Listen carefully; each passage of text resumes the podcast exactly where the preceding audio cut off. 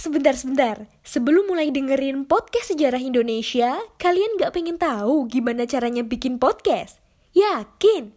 Gak susah kok. Coba deh download Anchor Podcast. 100% mudah, 100% gratis.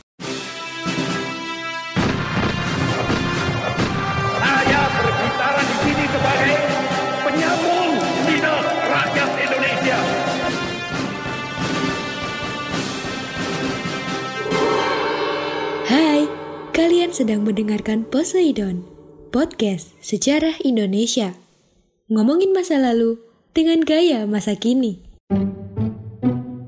Hai, halo para pecinta kajian sejarah dan selamat datang kembali di Poseidon, podcast sejarah Indonesia bersama saya Saifuddin Alif. Di podcast kali ini kita akan membahas tentang Republik Batav di Indonesia. Salah satu periode menarik karena pada masa ini di Belanda terjadi perubahan politik di mana kerajaan Belanda dihapuskan dan diganti sistem pemerintahannya menjadi republik. Perubahan ini terjadi karena Belanda sedang dikuasai oleh Prancis dan secara otomatis wilayah kekuasaan Belanda di luar Eropa Indonesia, juga di bawah kontrol Prancis. Untuk lebih lanjutnya, yuk kita bahas. Republik Batav merupakan fase yang penting dalam perjalanan sejarah negara Belanda. Fase ini merupakan fase di mana masuknya pengaruh Prancis terhadap pemerintahan Belanda atau dengan kata lain masa di mana Belanda dijajah oleh Prancis. Sebelum kita membahas tentang Republik Batav, mari kita lihat dulu keadaan Eropa pada akhir abad ke-18. Jadi, akhir abad ke-18, Eropa sedang dihebohkan oleh keberhasilan revolusi Prancis, tepatnya pada tahun 1789 sampai 1799 yang dipimpin oleh Napoleon Bonaparte. Prancis muncul dengan wajah baru setelah keberhasilannya itu. Revolusi ini juga membawa Prancis menaklukkan lawan-lawannya untuk menyebarkan semangat revolusi. Prancis menginvasi banyak kawasan meliputi Eropa, Mesir, Timur Tengah, Samudra Atlantik, dan Kepulauan Karibia. Salah satu negara yang terkena invasi Prancis adalah Belanda, yang menyebabkan Raja Belanda Willem V terpaksa kabur ke Inggris untuk meminta perlindungan. Setelah ditaklukkan oleh Prancis inilah Belanda yang semula berbentuk kerajaan berubah menjadi republik. Dan nama dari Republik Belanda ini adalah Republik Batav, mengambil nama suku kuno pada masa Kekaisaran Romawi yang mendiami Belanda di masa yang lalu. Republik Batav diproklamasikan pada 19 Januari 1795 Aroma revolusi Prancis yang dimulai sejak tahun 1789 yang berhasil menumbangkan kekuasaan Raja Louis yang ke-16 sangat terasa dalam pendirian Republik baru di Belanda itu. Kaum patriot yang memotori lahirnya Republik Batav adalah orang-orang yang sudah lama memendam kekecewaan dengan Raja Willem V dari dinasti Oranye. Jadi pegawai pemerintah dan juga politisi-politisi yang ada ketika itu merupakan oposisi dari Raja Willem V dari dinasti Oranye selama menjabat. Memang eksistensi Republik Batavi ini tidak terlalu lama, hanya 11 tahun saja. Namun pengaruhnya sangat terasa bagi Belanda maupun negara jajahan-jajahannya termasuk Hindia Timur atau Indonesia. Jadi dengan jatuhnya Belanda ke tangan Prancis, maka secara otomatis wilayah jajahan Belanda menjadi milik Prancis termasuk Indonesia.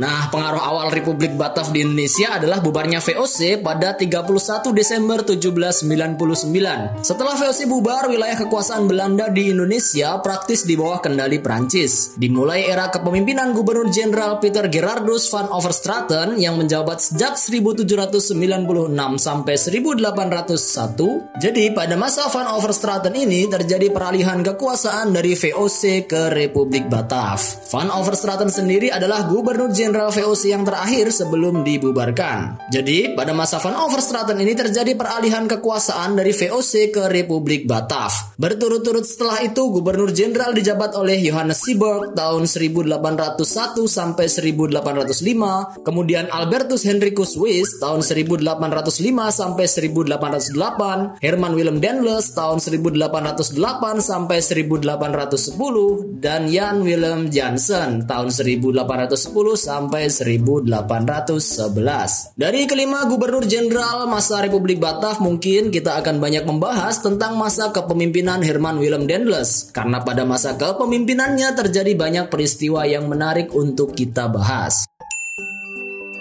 Dendles menjadi gubernur jenderal dengan tugas utama untuk melindungi Pulau Jawa dari serangan tentara Inggris. Kenapa Inggris menyerang? Karena Inggris adalah sekutu Belanda yang harus membantu kepentingan Belanda termasuk mempertahankan wilayah jajahan Belanda di luar Eropa. Pada 1808 Jawa adalah satu-satunya daerah koloni Belanda yang belum jatuh ke tangan Inggris. Pada tahun 1808 Jawa adalah satu-satunya daerah koloni Belanda Prancis yang belum jatuh ke tangan Inggris. Dan sadar jika armada Prancis akan kalah jika bertarung melawan Inggris karena tidak seimbangnya kualitas dan kuantitas kekuatan militer antara keduanya.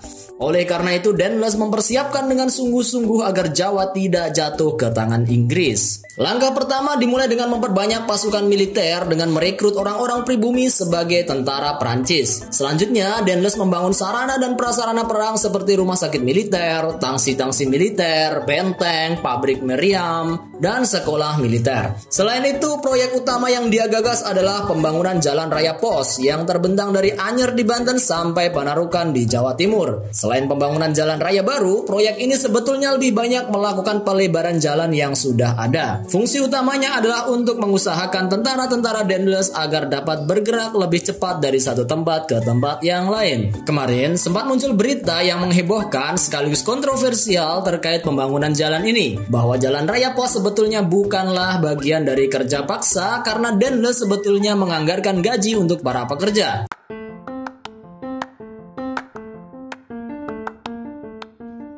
Halo Sobat Poseidon, kalian pasti sudah tidak asing lagi dengan Anchor. Yap, aplikasi penyedia jasa untuk para podcaster pemula dan juga pro.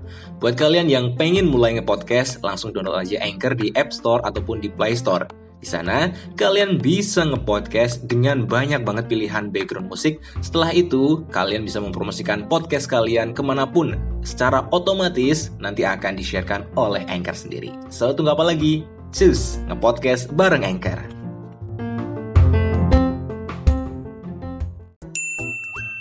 Jadi terkait pemberitaan yang kemarin sempat beredar, betul bahwa Denles menganggarkan 30 ribu gulden untuk penggajian pekerja. Tetapi ketika pembangunan sampai di Karang Sambung Cirebon, dana tersebut di luar dugaan ternyata habis. Ketika Denles berkunjung ke Semarang pada pertengahan Juli 1808, dia mengundang semua bupati di pantai utara Jawa dan menyampaikan bahwa proyek pembangunan jalan harus diteruskan karena kepentingan mensejahterakan rakyat. Para bupati diperintahkan menyediakan tenaga kerja kerja dengan konsekuensi para pekerja ini dibebaskan dari kewajiban kerja bagi para bupati, tetapi mencurahkan tenaganya untuk membangun jalan. Sementara itu para bupati harus menyediakan kebutuhan pangan bagi mereka. Semua proyek akan diawasi oleh para perfect yang merupakan kepala daerah pengganti residen VOC. Dari hasil kesepakatan itu, kemudian proyek pembangunan jalan dilanjutkan. Kontroversi terjadi tentang pembangunan jalan ini pada masa Dendles. Banyak pejabat Belanda yang dalam hatinya tidak menyukai Prancis.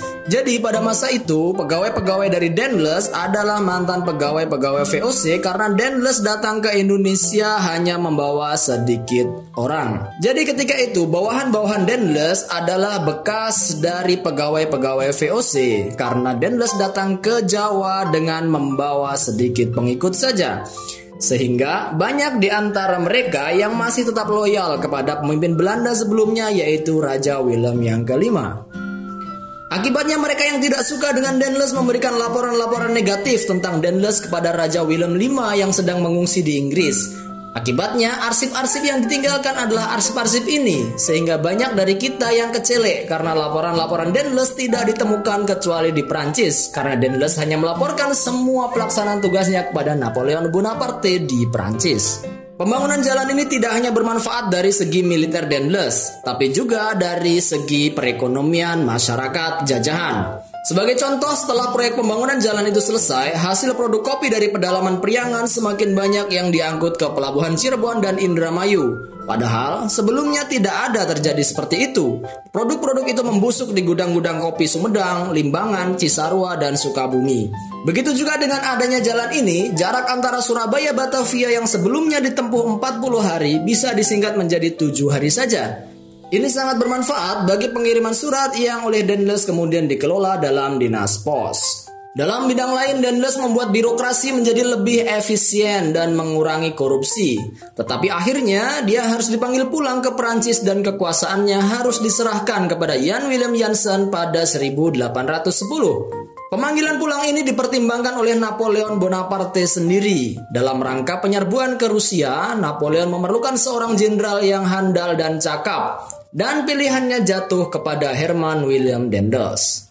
Dalam sektor lain, Dendles dikenal berwatak keras. Di mata Dendles, semua raja pribumi harus mengakui Raja Belanda sebagai junjungannya dan meminta perlindungan kepadanya. Bertolak dari konsep ini, Dendles kemudian mengubah jabatan pejabat Belanda di Keraton Solo dan Keraton Yogyakarta dari residen menjadi minister. Minister tidak lagi bertindak sebagai pejabat Belanda, melainkan sebagai wakil Raja Belanda dan juga wakilnya di Keraton Jawa. Oleh karena itu, Denles membuat peraturan tentang perlakuan raja-raja Jawa kepada para minister di keratonnya. Jika pada masa VOC, para residen Belanda diperlakukan sama seperti penguasa daerah yang menghadap raja-raja Jawa, dengan duduk di lantai dan mempersembahkan sirih sebagai tanda hormat kepada Raja Jawa, minister tidak lagi layak diperlakukan seperti itu. Minister berhak duduk sejajar dengan raja, memakai payung seperti raja, tidak perlu membuka topi atau mempersembahkan sirih kepada raja dan harus disambut oleh raja dengan berdiri dari tahtanya ketika minister datang ke keraton. Ketika bertemu di tengah jalan dengan sang raja, minister tidak perlu lagi turun dari kereta, tetapi cukup membuka jendela kereta dan boleh berpapasan dengan kereta raja. Meskipun di Surakarta Sunan Pakubuwono IV menerima ketentuan ini, di Jogja Sultan Hamengkubuwono yang kedua tidak mau menerimanya. Denles harus menggunakan tekanan agar Sultan Jogja bersedia melaksanakan aturan tersebut. Meskipun akhirnya Sultan Hamengkubuwono yang kedua mau menerimanya, tetapi dalam hati kedua raja itu tetap tidak terima terhadap pelakuan Dendles ini. Jadi ketika Inggris datang ke Jawa untuk melawan Prancis, kedua raja ini bersama-sama tanda kutip mengkhianati orang-orang Belanda. Pengganti Dendles adalah Jan Willem Jansen yang ternyata tidak secakap Dendles sehingga ketika Inggris menyerbu Jawa pada 1811 dengan cepat Jansen dapat dikalahkan. Tidak banyak yang bisa kita ceritakan dari kepemimpinan Jan Willem Jansen ini karena Jansen sendiri hanya memerintah selama kurang lebih enam bulan saja. Tidak banyak yang bisa kita ceritakan dari Gubernur Jenderal Jansen ini karena masa pemerintahan efektif dari Jansen hanya berkisar 6 bulan saja dan akhirnya dia dapat dikalahkan oleh Inggris dalam waktu yang singkat. Dan sampai di sini dulu bahasan kita tentang Republik Batav di Indonesia. Sampai jumpa di lain kesempatan. Jangan lupa juga untuk selalu menjaga diri dengan 5M yaitu memakai masker, mencuci tangan dengan sabun dan air mengalir, menjaga jarak, menjauhi kerumunan serta mengurangi interaksi dan mobilitas. Tetap sehat, tetap semangat di masa pandemi ini supaya kita bisa belajar bersama lagi dalam tema-tema lain yang tidak kalah menarik. Terima kasih sudah mendengarkan podcast Sejarah Indonesia. Saya Saifuddin Alif undur diri. Selamat melanjutkan aktivitas dan sampai jumpa. Terima kasih.